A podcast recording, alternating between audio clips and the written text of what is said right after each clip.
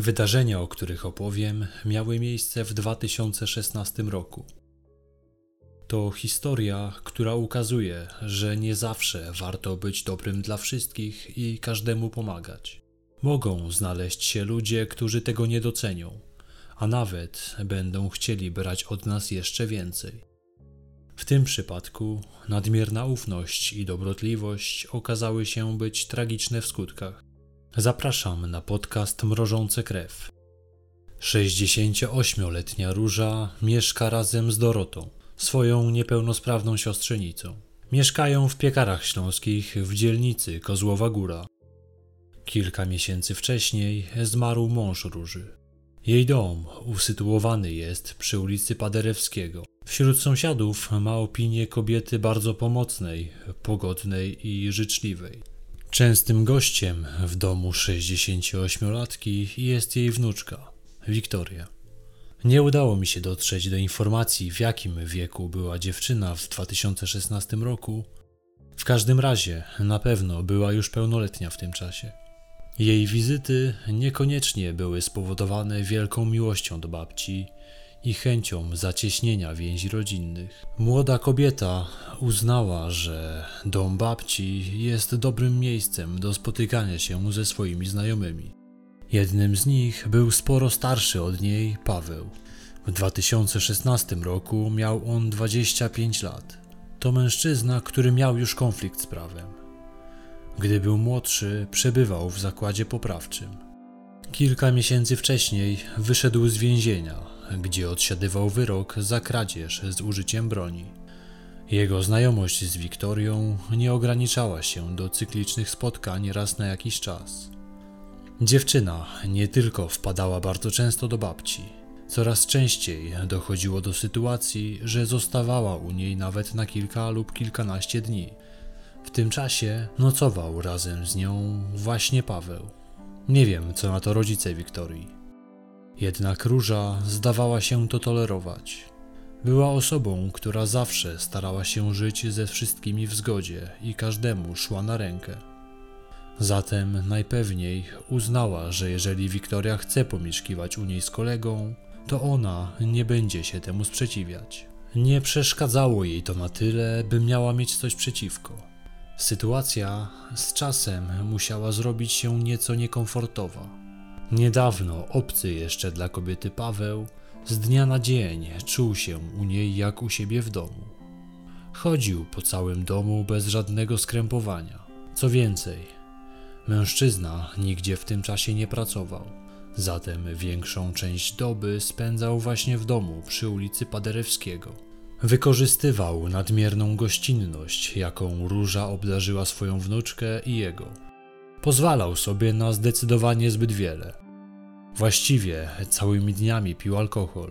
Bez skrępowania zażywał też narkotyki i dopalacze. Jak już dobrze wiecie z moich innych podcastów, takie mieszanki bywają bardzo niebezpieczne w skutkach.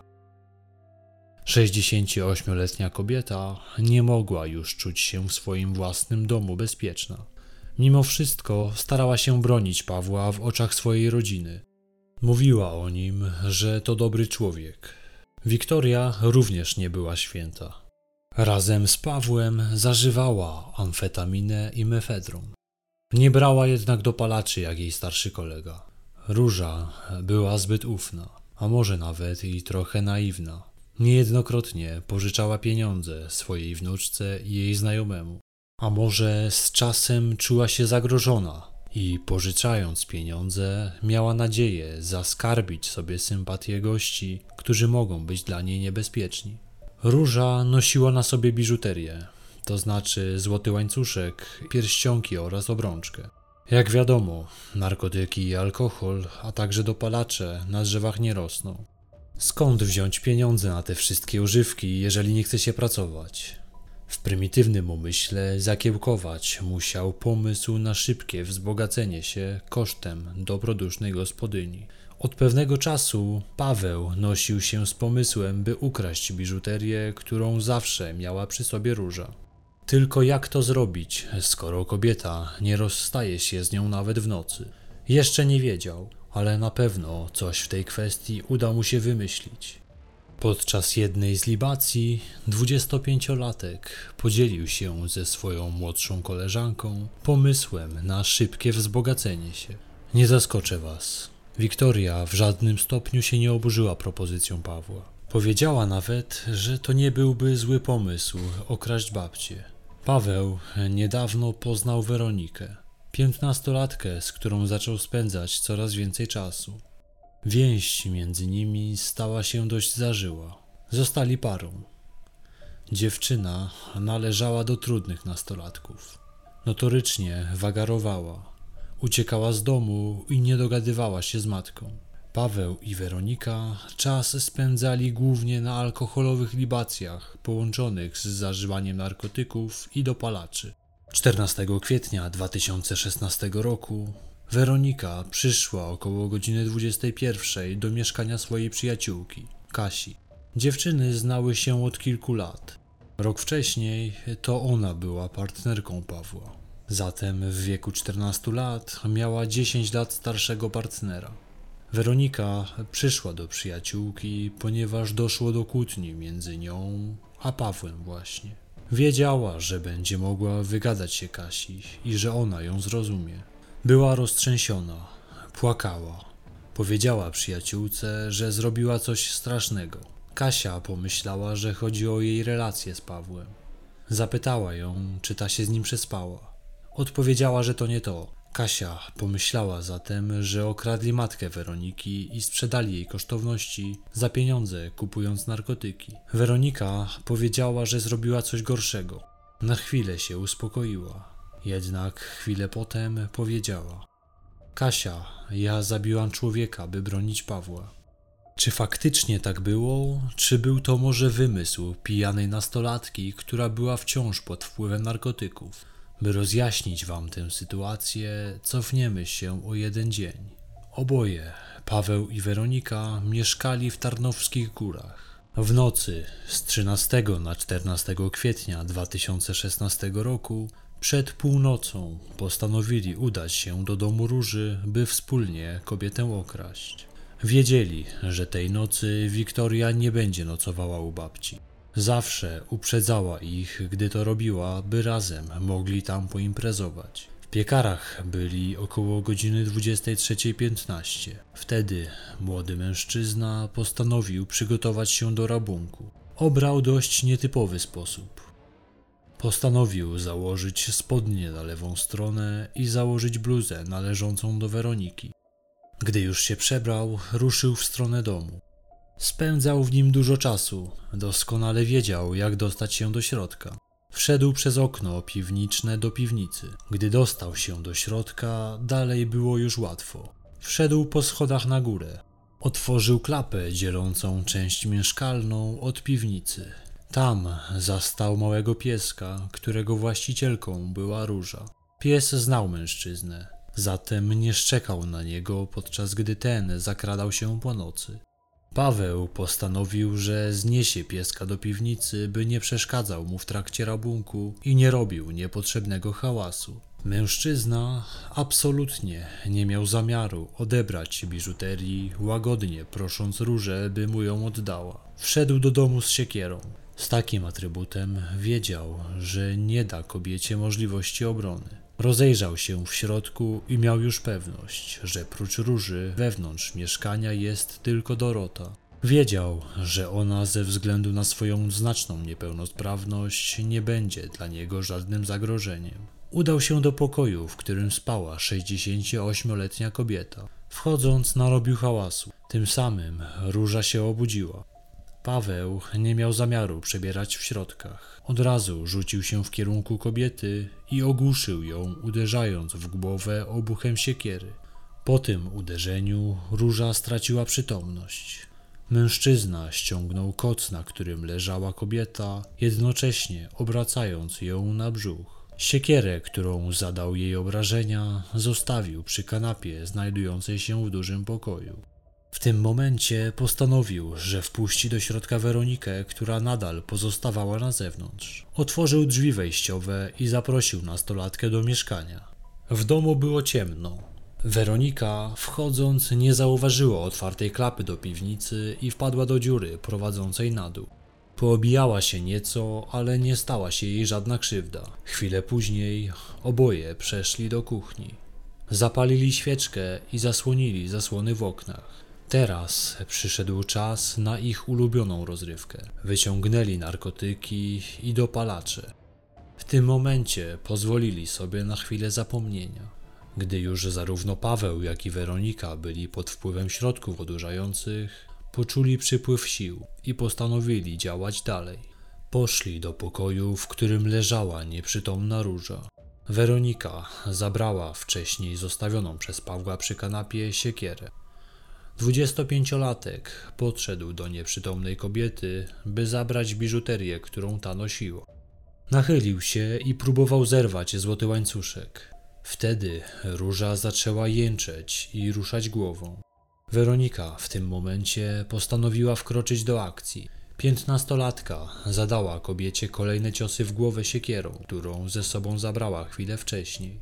Tym samym unieruchomiła przeszkadzającą w rabunku różę. Gdy ta leżała już nieruchomo na ziemi, oprawcy postanowili związać ją na wypadek, gdyby jeszcze miała zamiar się ruszyć, a co gorsza, wstać. Ręce kobiety przewiązali apaszką, a nogi swetrem. Następnie sznurem związali ręce, łącząc je z nogami. Wtedy Paweł zabrał obrączkę oraz pierścionki. Teraz miał już łupy, o których posiadaniu marzył od pewnego już czasu. Zostawili kobietę leżącą na brzuchu z głową na poduszce. W tym momencie nadal jeszcze żyła. Przy zadawaniu ciosów biżuteria zabrudziła się krwią. W kuchni 25-latek wraz ze swoją 10 lat młodszą dziewczyną oczyścili krwawe ślady. Skoro gospodyni nie była już dla nich żadnym zagrożeniem, to postanowili rozejrzeć się po mieszkaniu, czy nie znajdą w nim żadnych innych skarbów, dzięki którym mogą się wzbogacić. Paweł przejrzał wszystkie szafki i szuflady. Znalazł portfel róży i wyciągnął z niego wszystkie pieniądze. W tym przypadku jednak niespecjalnie się obłupił. Wzbogacił się zaledwie o 50 złotych. Jednak mimo stanu, w jakim byli, zachowali cząstkę trzeźwości. Postanowili pozbyć się z mieszkania rzeczy, które mogą ich wiązać ze śmiercią 68-letniej kobiety. Znaleźli torbę turystyczną. W nią zapakowali rzeczy, których na pewno dotykali. Portfel, torebkę, biały sznur, wycieraczkę, siekierę oraz inne rzeczy. Wytarli dokładnie podłogę. Wyczyścili miejsca, które dotykali. Paweł rozciął jeszcze sznur, który łączył ręce i nogi ofiary. Ten sznur zapakował również do torby. Gdy mieszkanie było już względnie czyste, oboje oprawców postanowiło opuścić miejsce zbrodni. Mężczyzna zabrał klucze od drzwi wejściowych. Zamknął drzwi na klucz, a potem pozbył się go, wyrzucając go w jednej z pobliskich studzienek.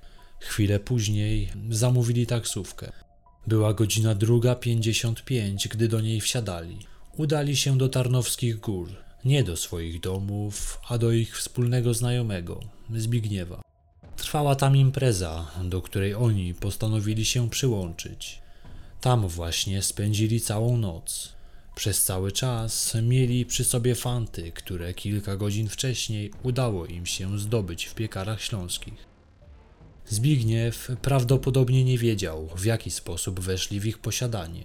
Niespecjalnie go to jednak interesowało. Gdy nastał już kolejny dzień, Zbigniew razem z Pawłem postanowili spieniężyć fanty. Z rana udali się do złotnika. U niego sprzedali złoty łańcuszek. Zbigniew przy sprzedaży posłużył się swoim dowodem osobistym.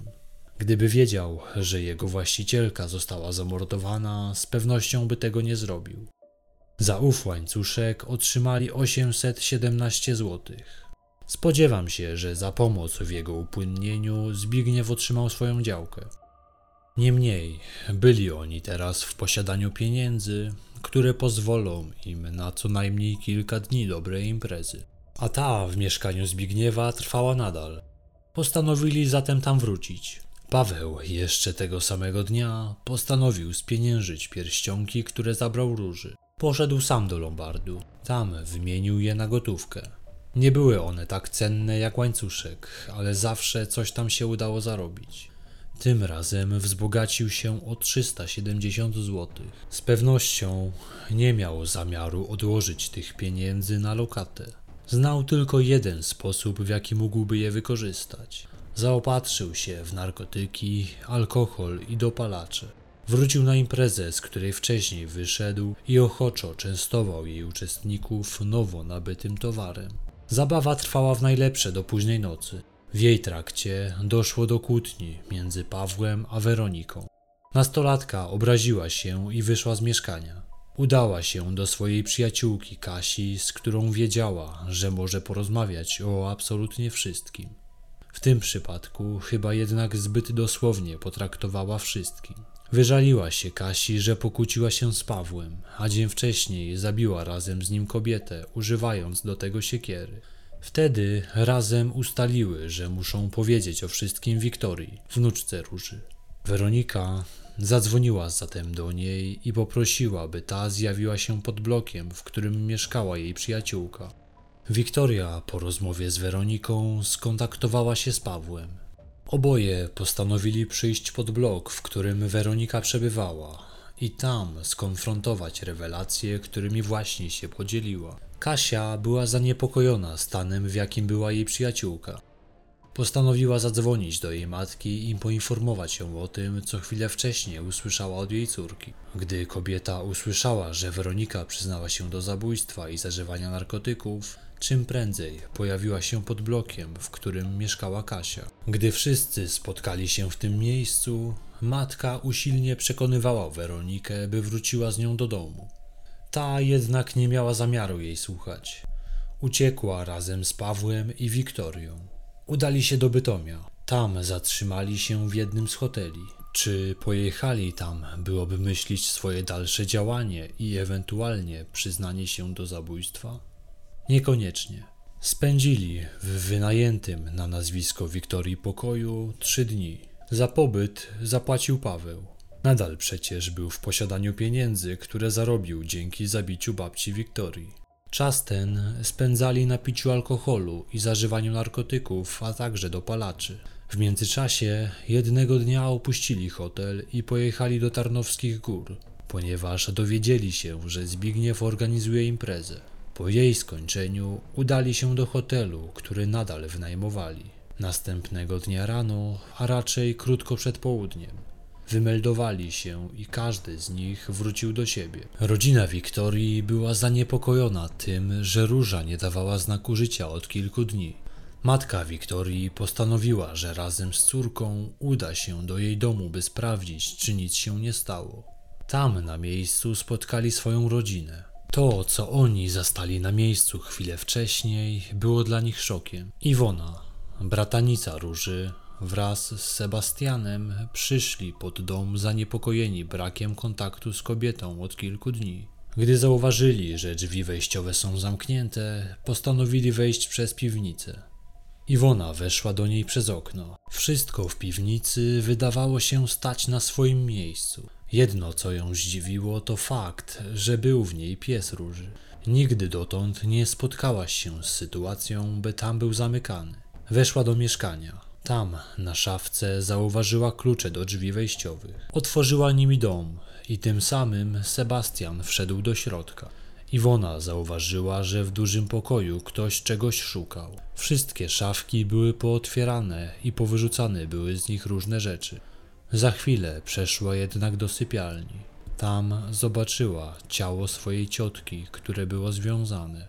Podbiegła do niej czym prędzej. Próbowała ją obudzić, jednak szybko zdała sobie sprawę, że róża już nie żyła. Natychmiast powiadomiona została policja. Lekarz, który przybył na miejsce, stwierdził zgon. Późniejsza sekcja wykaże, że kobieta zmarła w wyniku uduszenia się własnymi wymiocinami. Gdy Wiktoria pojawiła się na miejscu i zobaczyła ciało swojej babci, zadzwoniła do Weroniki. Jej telefon odebrał Paweł. Powiadomiła go o śmierci Róży. Powiedziała mu też, by przez jakiś czas nie kontaktował się z nią. Ona sama się do nich odezwie. Jeszcze tego samego dnia Paweł i Weronika zostali zatrzymani w mieszkaniu rodziny Weroniki. Paweł na przesłuchaniu był roztrzęsiony. Był pod wpływem narkotyków. Przyznał się, że to on stoi za zabójstwem Różyka. Płakał. Rozmowa z nim była bardzo trudna. Policjanci, by wyciągnąć od niego informacje, musieli wielokrotnie powtarzać pytania. Odpowiadał w sposób wybuchowy. Stwierdził jednak, że to Wiktoria namawiała go usilnie, by okradł jej babcię i zdobył tym samym pieniądze na narkotyki. Zaplanowali nawet, że feralnego wieczoru dokonają kradzieży. Na rozprawie podał jednak nieco inną wersję, w świetle której nie jest on odpowiedzialny za śmierć kobiety. Według jego wersji, Wiktoria miała stać na czatach i w razie gdyby babcia się obudziła, miała poświadczyć, że napastnikiem nie był Paweł. O całym planie mężczyzna poinformował Weronikę. Ta pojechała z nim. Gdy Paweł wszedł do środka, nie zastał tam Wiktorii, z którą był umówiony. Postanowił zatem, że wpuści Weronikę do środka. Tam zażyli dopalacze, a następnie udali się do pokoju, gdzie spała Róża. Weronika zabrała ze sobą siekierę, którą wcześniej przyniósł z piwnicy Paweł. Jak on sam tłumaczy, zabrał ją tylko dlatego, by bronić się przed psem, w razie gdyby ten go zaatakował. W momencie, gdy Paweł ściągał biżuterię śpiącej kobiecie, ta się przebudziła. Wtedy Wiktoria miała uderzyć ją obuchem w głowę. Gdy róża nadal się ruszała, dziewczyna zaczęła zadawać kolejne ciosy. Potem obezwładnili kobietę, by móc dalej spokojnie szukać innych drogocenności. Gdy skończyli, Pawła miało ruszyć sumienie i dlatego przeciął sznur, którym związał ze sobą ręce i nogi róży. Powiedział, że zrobił to, by w momencie, gdy ta się obudzi, mogła swobodnie wstać. A gdy zaczęła wydawać z siebie jęki, on się wystraszył i uciekł. Dlatego właśnie nie zdążył rozsupłać pozostałych węzłów.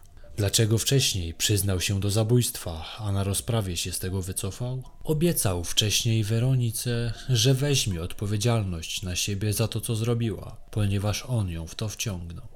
Weronika natomiast konsekwentnie wypierała się, by miała cokolwiek wspólnego z zabójstwem. Owszem, była na miejscu, ale ciosów nie zadawała. Wypierała się również, że zażyła na miejscu narkotyki. Do tego przyznała się dopiero później, przed sądem dla nieletnich. Twierdziła, że ona nie weszła nawet do pokoju, w którym spała róża. Po prostu czekała na Pawła w kuchni. Była zamroczona dopalaczami i nie zdawała sobie sprawy, że kobieta miała tak poważne rany. Gdy zaniepokojona długim brakiem powrotu swojego chłopaka zajrzała do pokoju, w którym był on z różą, Paweł powiedział jej, że ma się nie zbliżać. Przed sądem Weronika przyznała, że trzymała siekierę, ale tylko po to, by ją przełożyć. Nie zadała nią żadnego ciosu. Przed sądem wycofała się z tego, że Paweł podawał jej biżuterię, którą ściągał z ofiary. Widziała też, że mężczyzna ją myje, ale nie zdawała sobie sprawy, że była zakrwawiona. Powiedziała jeszcze przed wyjściem Pawłowi, by rozwiązał kobietę. Jej zdaniem, gdy wychodzili z domu, róża jeszcze żyła. Po wszystkim mężczyzna powiedział, że weźmie całą winę na siebie i powie, że jej w ogóle tam nie było. Później, gdy się pokłóciła z Pawłem podczas imprezy, faktycznie pojechała do Kasi. Nie chwaliła się jej, że zabiła człowieka. Wyżaliła się jedynie, że zrobiła coś okropnego. Sąd nie dał wiary zeznaniom piętnastolatki w tych kwestiach, które różniły się od wyjaśnień Pawła. Weronika w tej sprawie w sądzie występowała tylko w roli świadka. To, co mówiła, było chaotyczne, nie zgadzało się z wcześniejszymi ustaleniami. Była to obrana przez nią próba zminimalizowania swojej roli w przestępstwie. Znacznie bardziej spójna była wersja Pawła. Z opinii psychologicznej dowiadujemy się, że Weronika wykazuje się niskim stopniem empatii. Nie przejawiała ona skruchy. Jedyne, co ją martwiło, to fakt, że przez długi czas nie będzie na wolności, a ona tej wolności przecież potrzebuje. W trakcie opowiadania o sprawie towarzyszył jej chłód emocjonalny. Nastolatka charakteryzuje się dużą agresją. Ma tendencję do zachowań impulsywnych, którym nie towarzyszy refleksja. Jest osobą, która zdolna jest do manipulowania innym w celu osiągnięcia celu. Biegli ustalili, że pierwszy cios, który zadany był siekierą, zadał Paweł. Najprawdopodobniej zadał go, gdy kobieta wstała, gdy usłyszała hałas dobiegający z mieszkania. Cios ten jednak nie był zadany z dużą siłą. nie spowodował rozbicia czaszki. Stwierdzono, że gdyby uderzył z zamiarem zabicia, obrażenia byłyby znacznie poważniejsze. Wygląda na to, że chciał jedynie ogłuszyć ją, by nie przeszkadzała mu w rabunku. Na miejscu zabezpieczono ślady butów pasujące do Pawła. Pozostałe ślady okazały się być niemożliwe do zidentyfikowania. Możliwe, że zostały one pozostawione przez osoby, które znalazły zwłoki róży po kilku dniach. Nie udało się pobrać na miejscu zbrodni odcisków palców, które dałoby się odczytać. Nawet na narzędziu zbrodni nie zabezpieczono żadnych śladów linii papilarnych. Wynika to z faktu, że sprawcy dokładnie czyścili miejsce zanim opuścili dom. Wiktoria natomiast przed sądem trzymała się wersji, że o śmierci swojej babci dowiedziała się dopiero 16 kwietnia, czyli trzy dni po zabójstwie. Twierdziła, że przez trzy dni, które spędziła w hotelu z Weroniką i Pawłem, nie dowiedziała się o tym, co tamci zrobili. Jednak bezpośrednio po odkryciu zwłok zadzwoniła do Pawła. Wskazuje na to rejestr połączeń w obu telefonach. Dlaczego zadzwoniła właśnie do niego, mimo iż nie wiedziała, że to on jest sprawcą? Twierdziła, że z tego powodu, iż spędziła z nim ostatnie trzy dni. Chciała go poinformować o tym, co się stało. Sąd nie dał wiary tym zeznaniom. Stoją one w sprzeczności z tym, co zeznawali Paweł i Weronika. Wiktoria stanowczo zaprzeczyła, by w ciągu trzech dni w hotelu zażywała narkotyki. W tej kwestii również mijała się z tym, co mówiła pozostała dwójka. Sąd uznał, że w ten sposób Wiktoria chciała przedstawić siebie w możliwie jak najlepszym świetle. Sąd nie miał cienia wątpliwości co do winy Pawła. Sam mężczyzna nie wyrażał skruchy w związku z czynem, którego się dopuścił. Fakt, że był on już wcześniej niejednokrotnie karany, działał w tym przypadku jako okoliczność obciążająca. Jako okoliczność łagodzącą potraktowano to, że mężczyzna szybko przyznał się do winy i złożył wiarygodne wyjaśnienia. Skazany został na 25 lat pozbawienia wolności. O przedterminowe zwolnienie będzie mógł się ubiegać po 20 latach. Na 10 lat został pozbawiony praw publicznych. Weronika w momencie popełnienia czynu miała zaledwie 15 lat. Sąd nie zdecydował się, by osądzić ją jako osobę dorosłą. W uzasadnieniu podano, właściwości i warunki osobiste nieletniej nie przemawiają za pociągnięciem jej do odpowiedzialności karnej. Po zatrzymaniu została przeniesiona do ośrodka dla nieletnich. Miała tam pozostawać przez rok i tak faktycznie było. Sąd nie zdecydował się na przedłużenie jej pobytu, mimo iż miał taką możliwość. Po tym okresie miała trafić do młodzieżowego ośrodka poprawczego. Jednak z powodu braku miejsc nie mogła się tam dostać. W takim przypadku została zwolniona do domu. Tam przebywała przez półtora miesiąca. Jak gdyby nigdy nic, cieszyła się wolnością. Jedynym, co w tym czasie ją ograniczało, był dozór kuratora. W tym okresie dziewczyna korzystała z życia. W internecie pojawiły się zdjęcia, na których Weronika bawi się w najlepsze na dyskotece. Załamuje mnie bezczynność sądu w tym przypadku. Na pewno były inne możliwości izolowania morderczyni od społeczeństwa. Chociażby z racji jej uzależnienia od narkotyków mogła trafić na czas oczekiwania na odwyk. Ktoś jednak dopuścił się skrajnego niedopatrzenia w tej kwestii. Cała ta sytuacja ze zwolnieniem Weroniki z poprawczaka wywołała sporą burzę wśród pozostałych wychowanek przebywających tam nadal. Czuły ogromne poczucie niesprawiedliwości. Podczas gdy one pozostają zamknięte za znacznie łagodniejsze przestępstwa, dziewczyna, która jest sprawczynią zabójstwa, wychodzi na wolność. Po interwencji dziennika zachodniego sprawą zajęło się Ministerstwo Sprawiedliwości. 14 kwietnia 2017 roku minister sprawiedliwości zażądał podjęcia czynności dyscyplinarnych wobec sędziego, który dopuścił do takiej sytuacji. W końcu, po ponad 40 dniach na wolności, Weronika trafiła jednak do młodzieżowego ośrodka wychowawczego. Dziś Weronika ma już 20 lat i jest zatem osobą pełnoletnią. Najpewniej w przyszłym roku opuści zakład poprawczy i będzie dalej mogła wieść normalne życie.